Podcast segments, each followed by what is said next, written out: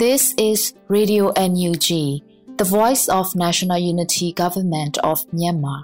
broadcasting for Myanmar Spring Revolution. Radio NUG is transmitting from shortwave 16 meter 17.79 MHz at 8:30 a.m. and 25 meter 11.94 MHz at 8:30 p.m. Myanmar Standard Time. မင်္ဂလာပါရှင်အမျိုးသားညီညွတ်ရေးအစိုးရရဲ့အတန်လွင့်ဌာန Radio NUG ကိုမနက်ပိုင်း၈နာရီခွဲမှာလိုင်းတူ16မီတာ19.89 MHz ညပိုင်း၈နာရီခွဲမှာလိုင်းတူ25မီတာ17.6 MHz တို့မှာဓာတ်ရိုက်ဖမ်းယူနားဆင်နိုင်ပါပြီမင်္ဂလာအပေါင်းနဲ့ပြည့်စုံကြပါစေအခုချိန်ကစပြီး Radio NUG အစီအစဉ်လေးကိုဓာတ်ရိုက်အတန်လွှင့်ပေးနေပါပြီ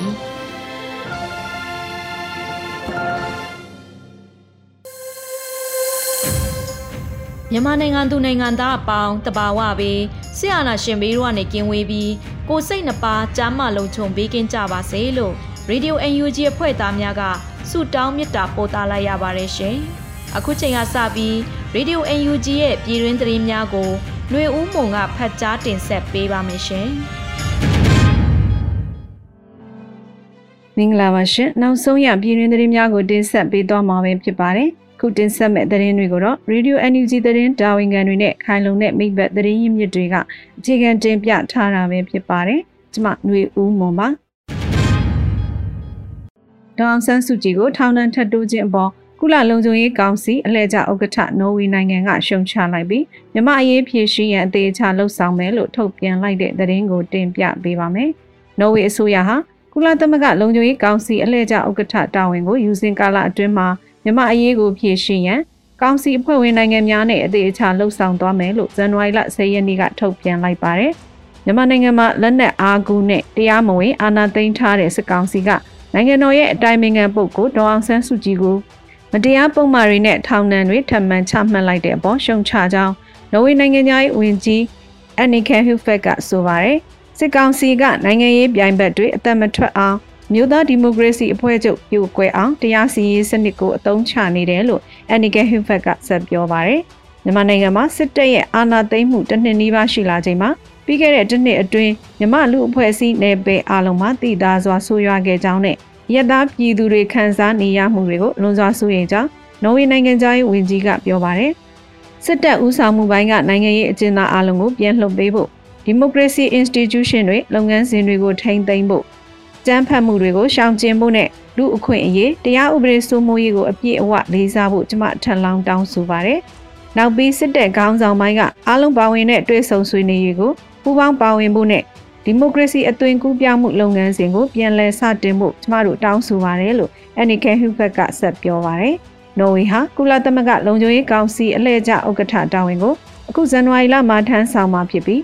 ဥက္ကဋ္ဌတာဝန်ယူစဉ်မှာမြမအရေးဆွေးနွေးပွဲကိုခေါ်ယူကျင်းပမယ်လို့ထုတ်ပြန်ထားပါသေးတယ်။မြမအရေးနဲ့ပတ်သက်ပြီးလုံခြုံရေးကောင်စီရဲ့ညီညွတ်သောတုံ့ပြန်မှုကိုတိုးမြင့်နိုင်ရေးအတွက်ဖွဲ့ဝင်နိုင်ငံများနဲ့အတူဆက်လက်လှုံ့ဆော်သွားမယ်လို့လည်းအလှည့်ကျဥက္ကဋ္ဌကအတည်ပြုထားပါတယ်။ဒါအပြင်ဒေါ်ဆန်းစုကြည်ကိုအခုလိုတရားစွဲဆိုထောင်ချနေတာဟာအာဆီယံဘုံသဘောတူညီချက်9ရက်ထဲကတစ်ချက်ဖြစ်တဲ့အားလုံးပါဝင်တဲ့တွဲဆုံဆွေးနွေးရေးမှာဒေါအောင်ဆန်းစုကြည်နဲ့မြို့သားဒီမိုကရေစီအဖွဲ့ချုပ်အပါအဝင် ရွေးကောက်ခံခေါင်းဆောင်တွေမပါဝင်နိုင်ရေးကိုပြောင်ပြောင်တင်းတင်းကြံစီချက်သားဖြစ်တယ်လို့ EU ကြေညာချက်မှာဖော်ပြထားပါတယ်။အခုလိုမြန်မာနိုင်ငံမှာအယက်သားပြည်သူတွေလောင်မီးကြပြီးအကာအကွယ်မဲ့နေကြတဲ့အပေါ်စောင့်ကြည့်စောင့်ဆိုင်ရှုံချအပြစ်တင်နေုံနဲ့အလုံးမဖြစ်တော့တာကြောင့်ကုလသမဂ္ဂလုံခြုံရေးကောင်စီအထူးအစည်းအဝေးကျင်းပပြီးချက်ချင်းဆိုသလိုဂိုင်းတွဲဆောင်ရွက်ဖို့အထူးလိုအပ်နေပြီလို့ ISP မြန်မာကလည်းထုတ်ပြန်ထားပါတယ်ရှင်။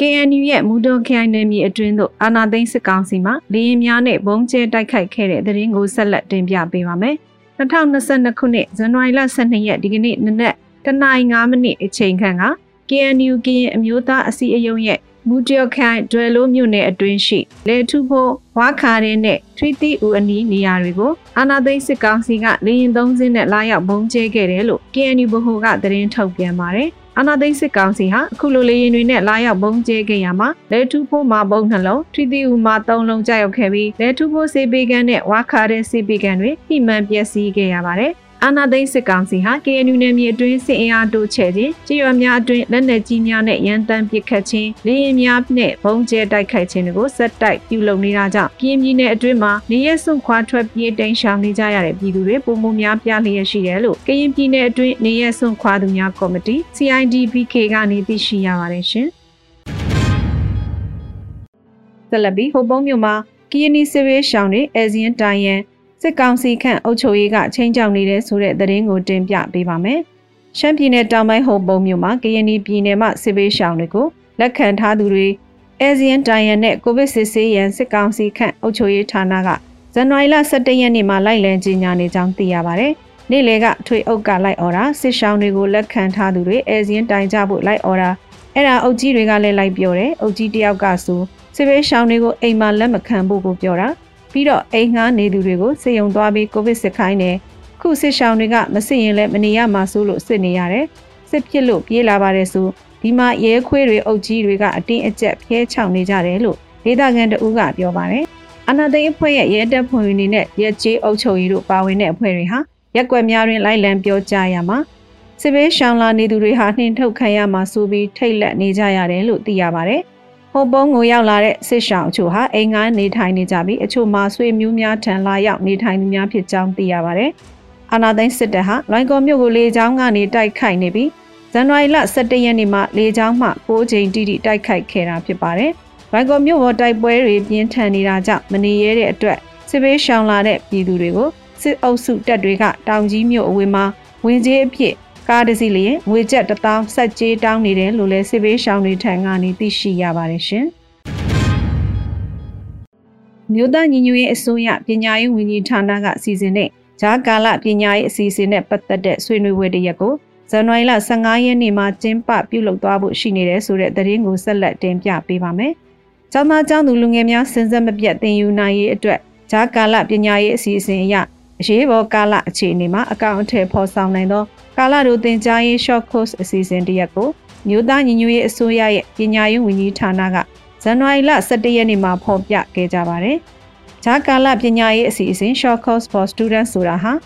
ကိုဗစ်ကူးစက်မှုနဲ့အကြမ်းဖက်မှုတို့ကြောင့်ရက်ဆိုင်နှောင့်နှေးခဲ့ရသောကျောင်းသူကျောင်းသားတွေရဲ့ပညာရေးကိုအရေးပေါ်ကာလအခြေအနေကြီးညာထားစဉ်မှာအဆက်မပြတ်စေရေးနဲ့ပညာဆက်လက်သိရင်ခွင့်မဆုံးရှုံးစေရေးအတွက် သက်ဆိုင်ရာပြည်တွင်းပြည်ပပညာရှင်များနဲ့မြို့သားညီညွတ်ရေးအစိုးရ NUG ပညာရေးဝန်ကြီးဌာနမှအစီအစဉ်လျက်ရှိပါတယ်။2022ခုနှစ်ဇန်နဝါရီလ15ရက်နေ့စနေနေ့မြန်မာစံတော်ချိန်နနက်9:00နာရီမှာကျင်းပမယ့်အစီအစဉ်ကို Prosper for Future Air Quality in Myanmar and Air Pollution Awareness During the Emergency Condition လို့အမည်ပေးထားပြီးနာဂတ်မြမလေထုရေအသွေးမျောလင့်ချက်များနဲ့လက်ရှိအရေးပေါ်ကာလအတွင်းမြို့ပြနဲ့ကျေးလက်ဒေသများမှာ လေထုညဉ့်ညမ်းမှုကိုသတိပြုမိစေပြီးတော်လှန်ရေးကာလအလွန်မှာလေထုညဉ့်ညမ်းမှုကြောင့်ဖြစ်ပွားနိုင်တဲ့ကျန်းမာရေးပြဿနာများစိန်ခေါ်မှုများကိုအတူတကွပူးပေါင်းဆောင်ရွက်သွားနိုင်စေမယ့်အကြောင်းအရာများကိုဆွေးနွေးသွားမှာပဲဖြစ်ပါတယ်။စိတ်ပါဝင်စားသူများတက်ရောက်နိုင်ကြောင်းဖိတ်ခေါ်ထားပြီးသင်တန်းစတင်တာနဲ့တပြိုင်နက် Ministry of Education NUG ရဲ့ Facebook page နဲ့ YouTube channel များကနေတပြိုင်နက်တည်း live လွှင့်ပေးမယ်လို့လည်းသိရှိရပါတယ်။ပညာရေးဝန်ကြီးဌာနရဲ့ Facebook စာမျက်နှာပေါ်မှာဆွေးနွေးပွဲတက်ရောက်နိုင်ရန် link ကိုဖော်ပြထားပြီး ဝင်ရောက်စီးရင်ပေးကြဖို့ကိုလည်းအတိပေးဖော်ပြထားပါတယ်ရှင်။ဇန်နဝါရီလအတွက်အောက်လန်လွင့်ချီမဲ့နှွေဦးထီလက်မှတ်တွေကိုဝယ်ယူအားပေးနိုင်စေဖြစ်တဲ့သတင်းကိုဆက်လက်တင်ပြပေးကြပါမယ်။တော်လည်းအောင်စိတ်အပြည့်နဲ့နှွေဦးထီကိုဝယ်ယူအားပေးလျက်ရှိတဲ့မိဘပြည်သူများအနေနဲ့ဇန်နဝါရီလအတွက်အောက်လန်လွင့်ချီနှွေဦးထီလက်မှတ်များကိုရောင်းချနေပြီပဲဖြစ်ပါတယ်။ အခက်အခဲအချက်တဲကြမှຫນွေဦးထီကိုတော်လိုင်းအောင်စိတ်အပြည့်နဲ့ဝယ်ယူအားပေးနေကြတဲ့မိဘပြည်သူတဦးတယောက်ချင်းကိုအကျေးဇူးအထူးတင်ရှိပါကြောင်းနဲ့ຫນွေဦးထီရောင်းချခြင်းကိုနေ့စဉ်မနက်10:00နာရီမှည10:00နာရီအထိထီလက်မှတ်ကန့်သက်ထားခြင်းမရှိပဲလစဉ်ရောင်းချပေးသွားမှာပဲဖြစ်ကြောင်းအောင်လန်လူချီနေဦးထီရဲ့ Facebook လူမှုကွန်ရက်စာမျက်နှာမှာဖော်ပြထားပါတယ်။ပြည်သူများရဲ့အာဏာရှင်ကိုတော်လှန်လိုစိတ်ဟာဘယ်တော့အခါမှသွေးအေးသွားခြင်းမရှိကြောင်းကိုနေဦးထီနဲ့အတူ အောင်လန်လွှချီဆက်လက်သက်သေပြကြပါစို့လို့လည်းတိုက်တွန်းနှိုးဆော်ထားပါတယ်။ Real T Pilot Project မှဒီဇင်ဘာလ25ရက်အထိဒီဖွင့်ရက်68ရက်အတွင်းမှာရေဦးတီမှစီရီယမ်ဝင်နှန်းပေါင်း6300ကိုထောက်ပံ့ထားပြီးဖြစ်ပါတော့လေရေဦးတီမှချိတ်ဆက်ထားနိုင်တဲ့ပမာဏနဲ့နှိုင်းယှဉ်လျင်3.9ရာခိုင်နှုန်းသာရှိသေးကြောင်းသိရှိရပါတယ်ရှင်။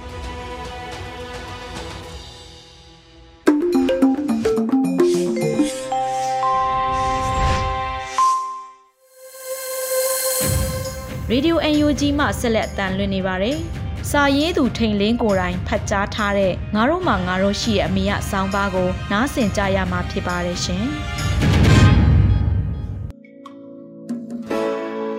ရွေးမယ်ရွေးလိုက်ရတယ်လေချမ်းမယ်ဆိုတာဒီရဲ့ချက်ခဲ့ရပြီရှောင်ဘူးတယ်လေလွယ်တွေ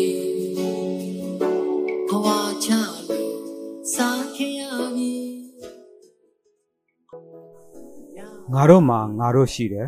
။စောင်းမအမှတ်6ဖြစ်ပါတယ်။ကျွန်တော်ကထိန်လင်းပါ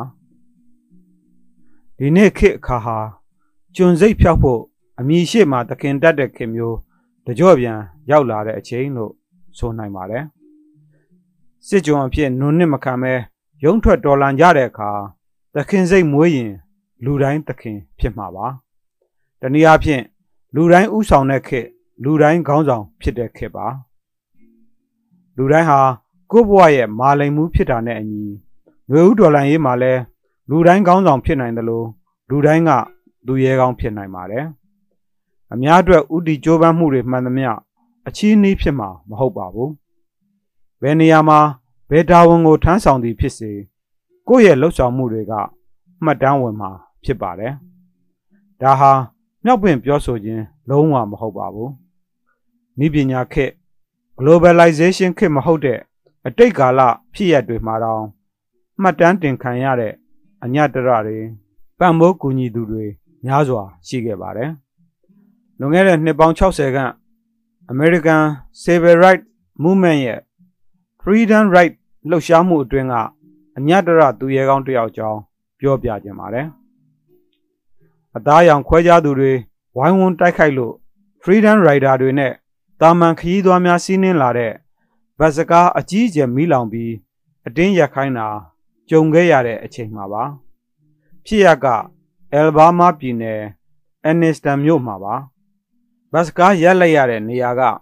လူပြူမိသားစုရဲ့စတိုးဆိုင်လေးတစ်ခုရဲ့အနီးမှာပါ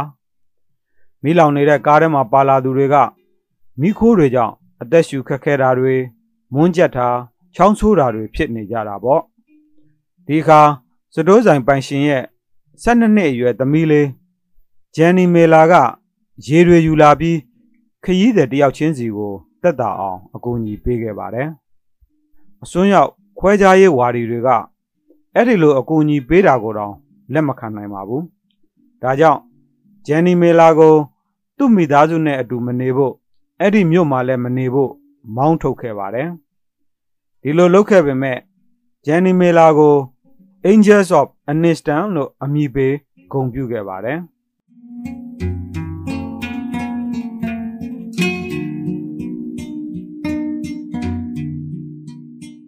နောက်ထပ်ပြောပြခြင်းသူတူကတော့မဟတ်မဂန္ဒီရဲ့ဇနီးကတ်စတိုရဘာဂန္ဒီဖြစ်ပါတယ်။သူကခင်မွန်းတယ်နဲ့အတူအိန္ဒိယနိုင်ငံလွတ်လပ်ရေးအတွက်ကြိုးပမ်းခဲ့သူဖြစ်ပါတယ်။ခင်မွန်းရဲ့အကြမ်းမဖက် လှုပ်ရှားမှုတွေမှာပါဝင်ခဲ့တယ်လို့အတူတူအဖမ်းခံအစာငတ်ခံခဲ့သူလည်းဖြစ်ပါတယ်။သူဟာသားသမီးများနဲ့မိသားစုရေးနိုင်ငံအရေးကို စိတ်သက်ခိုင်မာစွာလုပ်ကင်ခဲ့သူဖြစ်ပါတယ်။အကျမ်းမဖက်ခြင်းနဲ့ပတ်သက်တဲ့သင်ခန်းစာကို ကျွန်ုပ်ရဲ့ဇနီးတဲ့ထံကသင်ယူခဲ့ပါတယ်လို့တောင်မဟာတမဂန္ဒီကပြောဆိုခဲ့ပူပါတယ်။ဂန္ဒီရဲ့အရှိန်ဝါ ခေါင်းဆောင်မှုစွမ်းရည်တွေကြောင့်ဇနီးဖြစ်သူရဲ့အခန်းကဏ္ဍမေးမိန်တဲ့သဘောမျိုးဖြစ်ပေမဲ့ဒီဇနီးကြောင့်လဲဂန္ဒီဖြစ်လာတယ်လို့ဆိုနိုင်ပါတယ်။တကယ်တော့ဂန္ဒီရဲ့လှုပ်ဆောင်မှုတွေနဲ့ပတ်သက်လို့သဘောတူခြင်းမတူခြင်းတွေဝေဖန်မှုတိုက်တွန်းမှု ဖေးမမှုကူညီပံ့ပိုးမှုတွေအနိကလှုပ်ဆောင်နိုင်သူကဇနီးဖြစ်သူတူတဲ့ပါမဟတ်မဂန္ဒီရဲ့အပေါင်းအဖော်ဇနီးမယား ပြုစုစောင့်ရှောက်သူသားမကဂန္ဒီရဲ့ကိုယ်စားလှယ်အဖြစ်ပါဆောင်ရွက်ခဲ့သူဖြစ်ပါတယ်ကိုလိုနီအစိုးရရဲ့ဖမ်းဆီးအကျဉ်းချတာကိုခံရပြီးအကျဉ်းကျစဉ်သူမကွယ်လွန်ခဲ့ရတာဖြစ်ပါတယ်သူကွယ်လွန်တော့မဟတ်မဂန္ဒီကခုလိုပြောပါတယ်သူဟာကျွန်ုပ်ရဲ့ဖွဲမရတဲ့အစိတ်ပိုင်းတစ်ခုပါဘယ်အမျိုးသမီးကမှကျွန်ုပ်ကို သူ့လိုအရွေ့ဖြစ်အောင်မလုပ်နိုင်ပါဘူးကက်စတိုရဘာဂန်နီကိုဂုံပြုတဲ့အနေနဲ့သူမရဲ့မွေးနေ့ဖြစ်တဲ့ဧပြီလ17ရက်နေ့ကို National Safe Motherhood Day အဖြစ်သတ်မှတ်ထားပါတယ်။တကယ်တော့အများအတွက်လှုပ်ဆောင်ကြိုးပမ်းသူပြည်သူကချစ်တဲ့သူတွေဆိုရင် လူသေးပေမဲ့နာမည်မသေးနိုင်ပါဘူး။လှုပ်ဆောင်မှုမှတ်တမ်းတွေဟာလည်းပျောက်ပြက်သွားမှာမဟုတ်ပါဘူး။ အဆိုမိန်လေးတစ်ခုရှိပါတယ်။ Every sunset brings the promise of a new dawn စီးစာတိုင်းဟာအာယုံသစ်တစ်ခုရစေမယ်ဆိုတဲ့ဂရိကိုဆောင်ကျင်းလာပါတယ်တဲ့ကျွန်တော်တို့အားလုံးတိုင်းပြည်ရဲ့အာယုံတက်ချိန်ကို ရောက်ဖို့ကိုစီကိုငါနိုင်တဲ့ဝင်ကိုထမ်းရင်ဆက်လျှောက်ကြရအောင်ပါအားမလျှော့ပါနဲ့ငါတို့မှာငါတို့ရှိပါတယ် အနုထဲကိုင်းတဲ့လက်တွေကိုအရိုင်းမြေမှာအချမ်းတွေကိုင်းစေရင်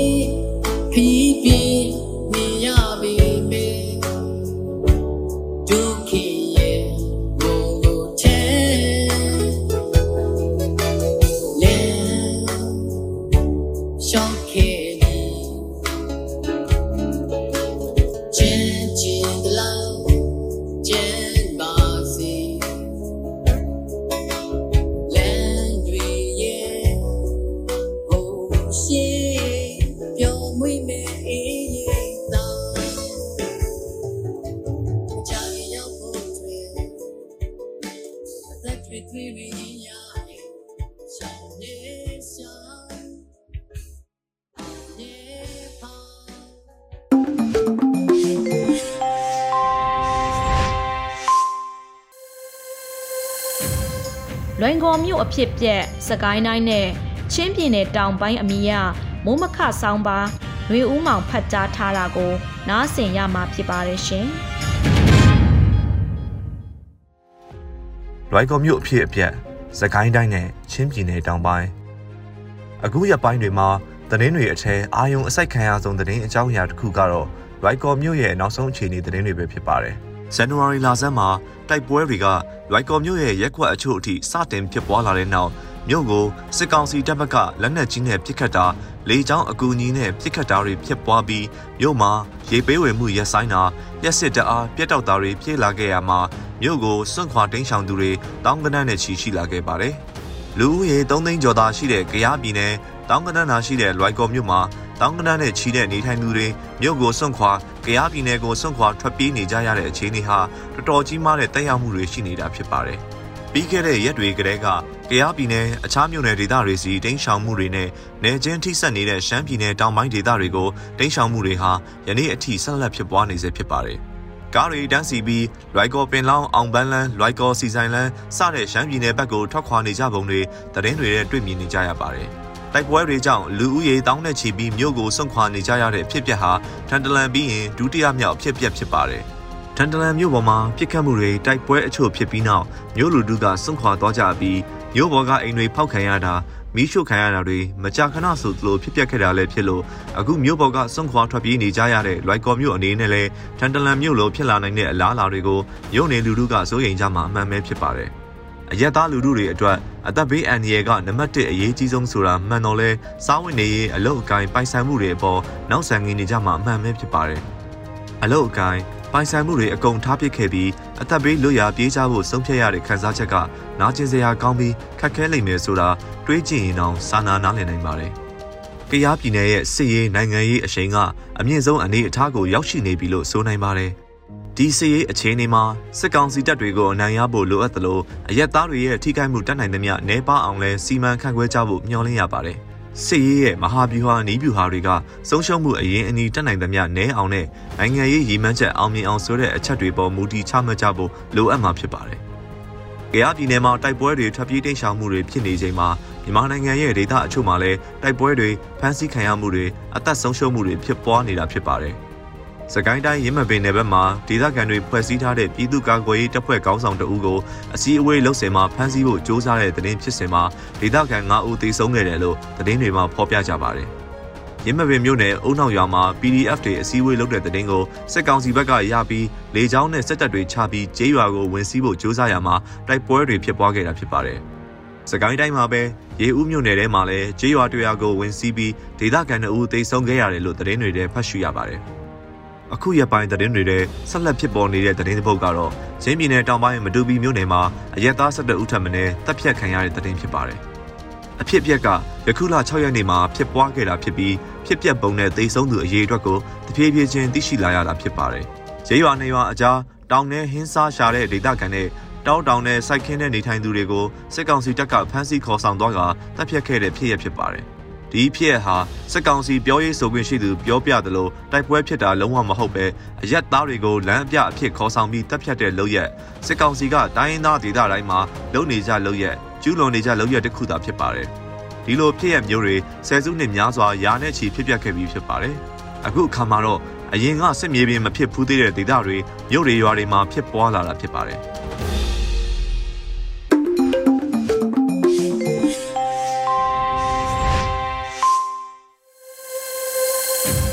ယခုဆက်လက်ပြီးကဗျာဆရာအောင်ဝေးရေးသားတဲ့သမရကြီးထံပေးစာကဗျာကိုနှွေဦးမိုးကရွက်ဖတ်တင်ဆက်ပေးပါမယ်ရှင်။မင်္ဂလာပါခင်ဗျာ။ကဗျာဆရာအောင်ဝေးရေးဆက်တည်ကုန်းထားတဲ့သမရကြီးထံပေးစာဆိုတဲ့ကဗျာကိုကျွန်တော်နှွေဦးမိုးမှရွက်ဖတ်သွားမှာဖြစ်ပါတယ်။သမရကြီးထံပေးစာမနက်ဖြန်သမရကြီးဂျိုးပိုင်တင်ထံ ငါပန်ကြားစာရေးမယ်။ຫນွေဦးတော်လန်ရေးဟာအောင်ပွဲခံဖို့အမေရိကန်လောက်လေရင်ပစ်အမြောက်တလက်တာလိုတော့တဲ့အကြောင်းစစ်နဲ့တော်လန်ရေးကိုမလွဲမသွေဖြတ်တန်းပြီးမှသာဒေါ်အောင်ဆန်းစုကြည်နဲ့တကွမြန်မာပြည်သူတရက်လုံးဖက်စစ်တန်ဖနာအောက်ကလွတ်မြောက်မှာဖြစ်ကြောင်းဒီမိုကရေစီဟာတည်ဆုံးနေကြောင်းနိုင်ငံတော်ဟာအသက်ငယ်နေကြောင်း မသေးမရှင်ကြပြားတွေလည်းတေးသေးရှင်ရှင်ပြစ်ထားခံနေရကြောင်းကြပြားဆရာတွေလည်းစစ်ထဲလိုက်ရတော့မှာဖြစ်ကြောင်းငါရဲ့တောင်းပန်စာကိုတောင်းတစိတ်တော်ခန့်နှိပ်လေရင်စာအိတ်ချိတ်ပိတ်ပြီးသို့ဘိုင်တင်အိမ်ဖြူတော်လိမ့်မှုပို့လိုက်မင်းလေရင်ပြစ်အမြောက်တလက်ငါထံအမြန်ရောက်စေတော့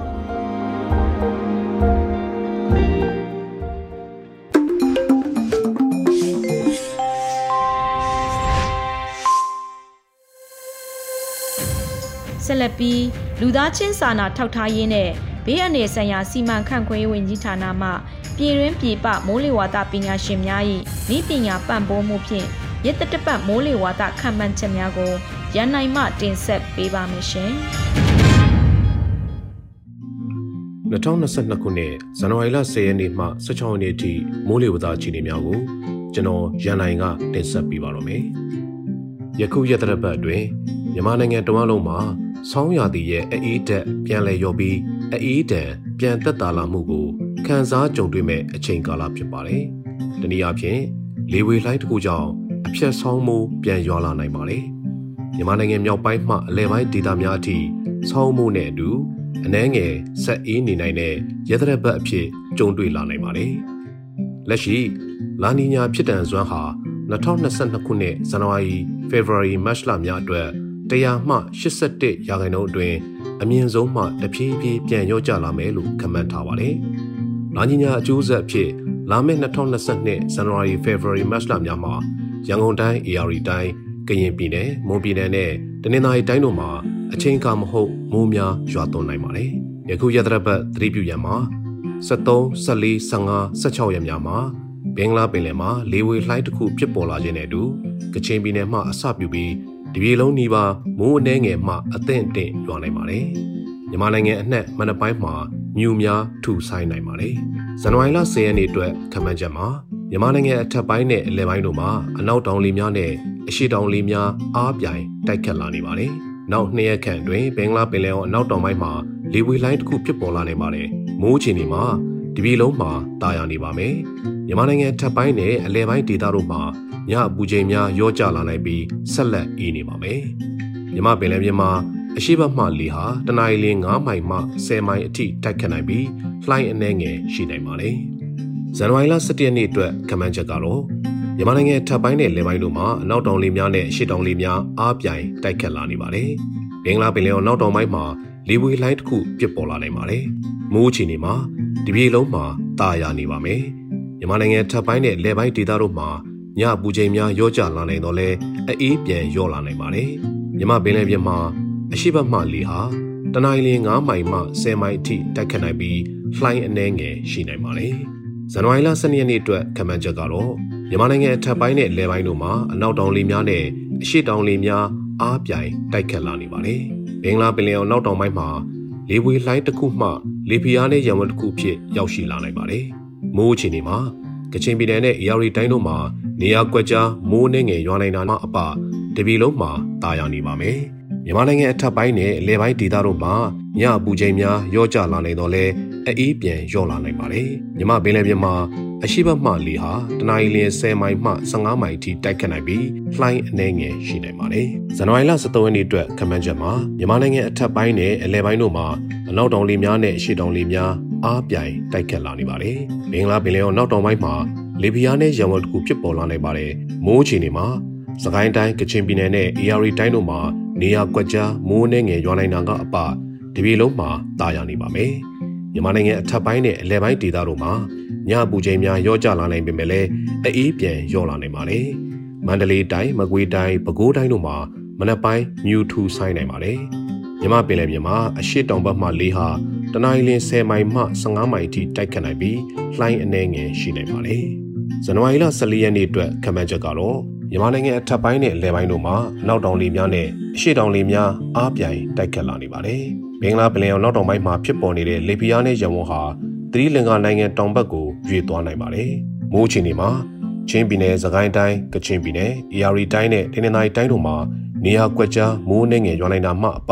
တပြည်လုံးမှာတာယာနေပါမယ်။မြန်မာနိုင်ငံအထက်ပိုင်းနဲ့လယ်ပိုင်းဒေသတို့မှာညအပူချိန်များရောကျလာနိုင်ပေမဲ့လည်းအေးပြန်ရောလာနိုင်ပါတယ်။ မန္တလေးတိုင်း၊မကွေးတိုင်းနဲ့ပဲခူးတိုင်းတို့မှာမနက်ပိုင်းမြူထူဆိုင်နိုင်ပါတယ်။မြမပင်လယ်ပြင်မှာအရှိတောင်ဘက်မှလီဟာတနင်္လာနေ့10မိုင်မှ15မိုင်ထိတိုက်ခတ်နိုင်ပြီးလှိုင်းအနှဲငယ်ရှိနိုင်ပါတယ်။ဇန်နဝါရီလ15ရက်နေ့အတွက်ခန့်မှန်းချက်ကတော့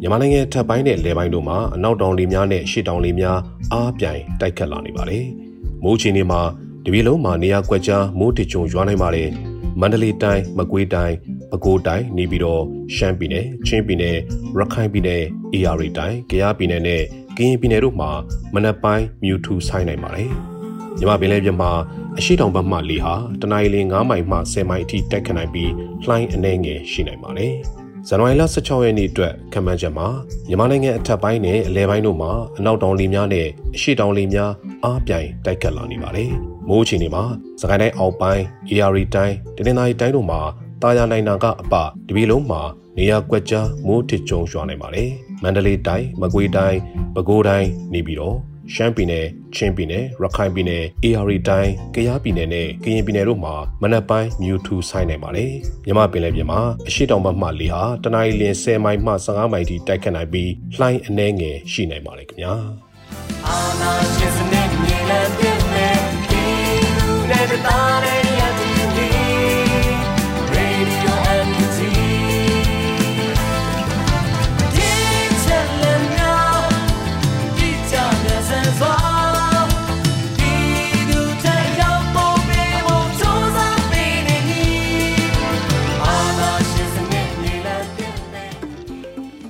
ဒီကနေ့ကတော့ဒီညနဲ့ပဲ Radio NUG ရဲ့အစီအစဉ်လေးကိုခਿੱတရန်နာလိုက်ပါမယ်။မြမစံတော်ချိန်မနက်၈နာရီခွဲနဲ့ည၈နာရီခွဲအချိန်တွေမှာပြန်လည်ဆုံတွေ့ကြပါစို့။ Radio NUG ကိုမနက်ပိုင်း၈နာရီခွဲမှာလိုင်းတူ16မီတာ19တက်သမ89 MHz ညပိုင်း၈နာရီခွဲမှာ